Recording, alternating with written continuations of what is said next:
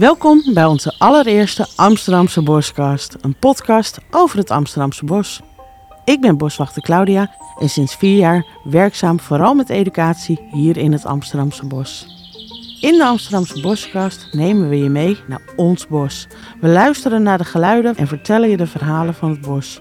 Wat maakt ze mee en wat gebeurt er verder in de natuur, zo dicht bij huis en een grote stad?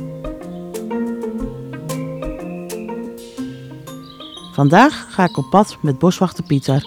Pieter is al 13 jaar boswachter in het Amsterdamse bos. Een van zijn taken is de broedvogelmonitoring. Vandaag ga ik met hem op pad en gaat hij mij daar het een en ander over vertellen en laten horen. Pieter, Ja. kan jij vertellen wat we vandaag gaan doen? Natuurlijk. We zijn eh, begonnen met eh, de eerste sessie, om dat zo maar te zeggen, van de broedvogelmonitoring. En de broedvogelmonitoring dat is eh, iets wat we jaarlijks doen, in het voorjaar en in de zomer. En dan gaan we in vaste gebieden in het bos, eh, middels vaste looproutes, gaan we de vogels monitoren. Hoe vaak doe je dat dan? Hoe, hoe kan je iets vertellen over hoe het in zijn werk gaat? Ja, we doen dat eh, volgens de methode van SOFON. En SOFON is de stichting die in Nederland de aantalsontwikkelingen van de vogels ja, in kaart brengt eigenlijk. Zij hebben een methode ontwikkeld en in heel Nederland wordt in verschillende gebieden middels die methode ja, worden de broedvogels gemonitord. En ehm, nou, we hebben dus het bos verdeeld in een aantal vakken, dat noemen we plots. En eh, samen met wat eh, vrijwilligers en enkele boswachters gaan we acht keer, soms negen keer of soms zelfs eh, twaalf keer, dat ligt een beetje aan, de, aan het gebied. Gaan we vroeg in de ochtend, een uur voor zonsopkomst, gaan we dan middels een vaste route lopen. En we noteren dan elke vogel die we zien, maar niet alleen op zicht, maar ook op geluid en op gedrag. Nou ja, zo krijgen we een goed beeld van de vogels in het bos. Maar je, je vertelt zo, je doet dat op zicht en geluid. Ja. Dan moet je er wel een hoop kennen. Ja, je moet wel, eh, ja, je moet wel ervaring hebben en je moet wel goed vogels kunnen onderscheiden. Want ehm, kijk, wat belangrijk is, als ik bijvoorbeeld eh, op de eerste keer, zoals strakjes, eh, als wij nu zo gaan lopen en ik noteer bijvoorbeeld een koolmees. En ik ben hier over twee weken weer en ik zie zo in deze omgeving weer een koolmees, maar nu met een, met een takje in zijn in zijn- in snavel. En dan moet ik dat dus ook invullen. Dus dan moet ik een andere code invullen. En als ik hem over een poosje eh, een, een alarmroep hoor maken, maar hem niet zie, wat dus eigenlijk een indicatie zou kunnen zijn voor een, eh, voor een nest, eh, dan moet ik ook dat opschrijven. Dus je moet eigenlijk wel van heel veel vogels, in dit geval van alle bosvogels, ja, moet je wel enige kennis hebben. Want het belangrijke is dat als die tellingen klaar zijn na die twaalf keer, dan wordt alles geclusterd zoals dat heet. En middels de software van Sofon, die koppelt al die broedcodes aan elkaar. Ja. En dan wordt bijvoorbeeld dat al die gedragingen van die ene koolmees, of van enkele koolmezen, maar dat wordt dan geclusterd. En als alle, aan alle voorwaarden is voldaan, ja, dan is er sprake van een broedgeval. Dus je telt wel individuele vogels, maar die software die maakt dat het eh, wel of geen broedgeval wordt. En vandaar natuurlijk ook de naam broedvogelmonitoring. Juist. Ja, Ja, ik snap hem. Ja. En je had het over eh methode. Ja. Kan je daar iets over vertellen? Ja, dat is eh, met name dan die softwaremethode die, eh die Sovon heeft ontwikkeld en ook de manier van tellen. En dat heeft dus alles te maken met die ja, regelmaat die erin zit. Zo moet je bijvoorbeeld, nou ja, natuurlijk dat uur voor zonsopkomst beginnen als het dan om een ochtendtelling gaat. Je moet in je gebied ook altijd dan dezelfde eh, looproute nemen. Oh, Oké. Je kunt wel een keer aan de andere kant beginnen, want dan heb je natuurlijk vogels die eerder beginnen te zingen of wat later beginnen te zingen. Dus als je zeg eh, de helft van de keren andersom loopt, dan heb je wel, eh, dan pak je eigenlijk alles mee. Maar het is met name dus die telmethode en al die verschillende broedcodes die we dan invullen. Dat is de methode die Sovon heeft ontwikkeld. En dat geeft, ehm, ja, dat geeft uiteindelijk dus het beeld van, eh, ja, van die broedvogelstand. En dat is voor ons weer belangrijk, want het geeft dus als het ware voor ons een eh, spiegel van het, eh, ja, van het beheer. Weet je, als wij natuurlijk al die vogels in kaart brengen, dan toont ons dat hoe we het bos beheren, maar het toont ons ook hoe het bos gebruikt wordt.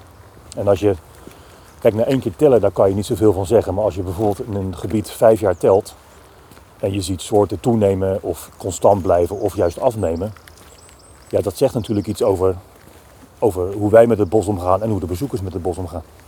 Dan, eh, je had het er net over van een uur voor zonsopgang. Ja. Nou ja, dat is nu wel leuk. Ja, Ja, zeker. Is dat over een twee maanden nog steeds leuk? Nou, ja, dat is, eh, ja, ik, ja, kijk, het is natuurlijk wel vroeg, want dan, eh, dan moet je hier half vijf, vijf uur moet je dan wel gaan starten. Maar het is natuurlijk, het is natuurlijk een fantastische manier om je werkdag te beginnen. Ik bedoel, je begint, je, je begint, nou ja, dan kom ik aan op het kantoor, dan kleed ik me om. Ik neem een bak koffie en dan ga ik het bos in. En de eerste 2,5 uur ben ik vogels aan het kijken. Ja, wie, wie, wie, wie, wie begint nou zo zijn dag? Ja, dat is toch geweldig? En wat horen we nu?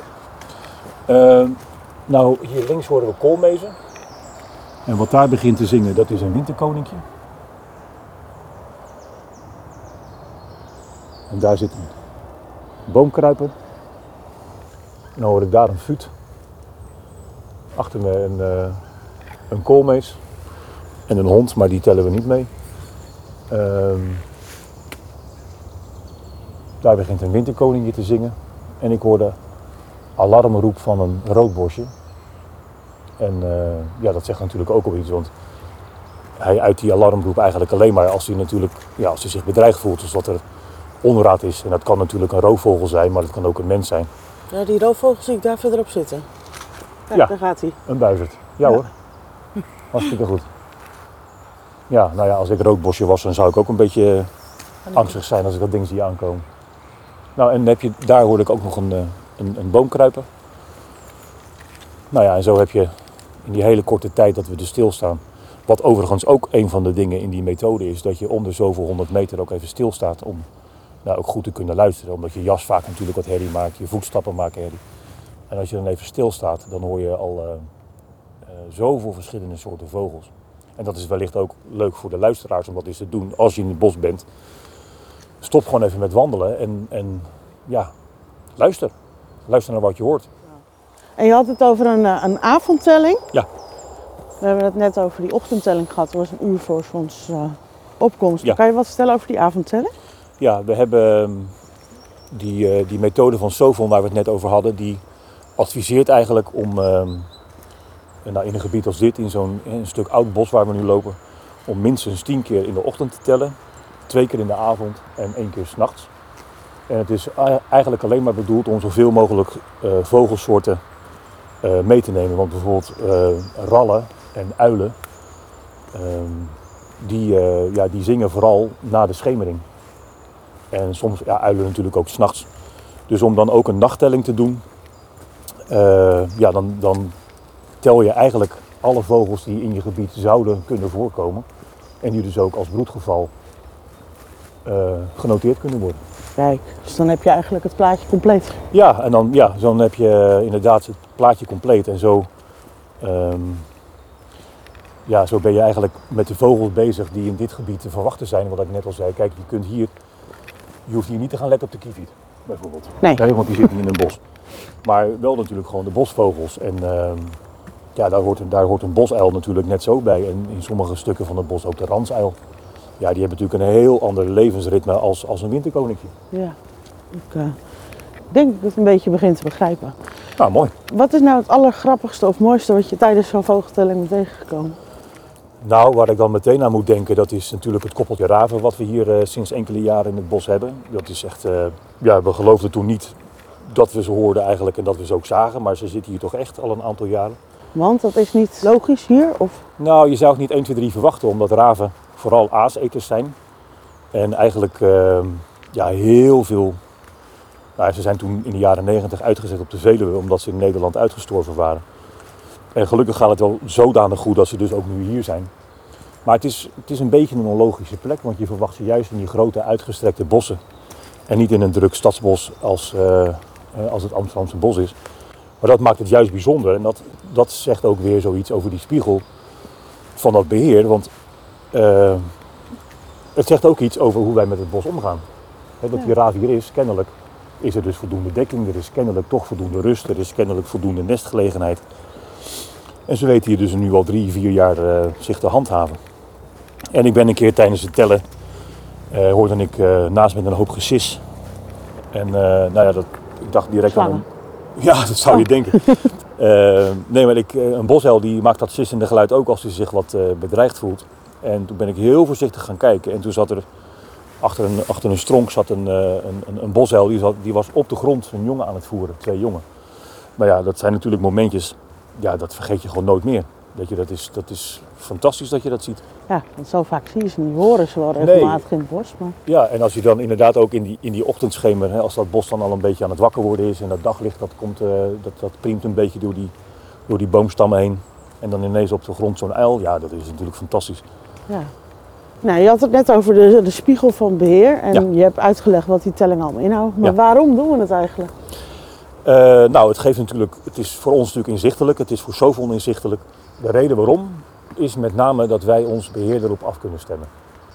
Uh, wat ik net al zei, als je natuurlijk soorten ziet toenemen of ziet afnemen, ja, dat betekent wat. En het is aan de organisatie van het Amsterdamse Bos om te bedenken, nou jongens, dit gaat niet goed of dit gaat juist wel goed. En welke beheersmaatregelen zijn er nodig of zouden er nodig kunnen zijn om, dat, uh, ja, om soorten die afnemen weer te laten toenemen of juist andersom. Nou, ik denk dat je een heel uh, mooi en duidelijk beeld hebt gegeven van uh, Fijn. wat we deze ochtend aan het doen zijn. Goed zo. En uh, dankjewel. We gaan elkaar okay. vast vaker spreken. Ja, nou leuk. Bedankt voor het luisteren naar de Amsterdamse Boskast. Heb je nou nog een vraag over het Amsterdamse bos of de broedvogelmonitoring? Dan kan je deze vraag stellen via de boswinkelmail. Deboswinkel.amsterdam.nl Vermeld wel even in de titel Boskast, dan weten we dat de vraag van jou is en wie weet behandelen we hem in de volgende Amsterdamse Boskast.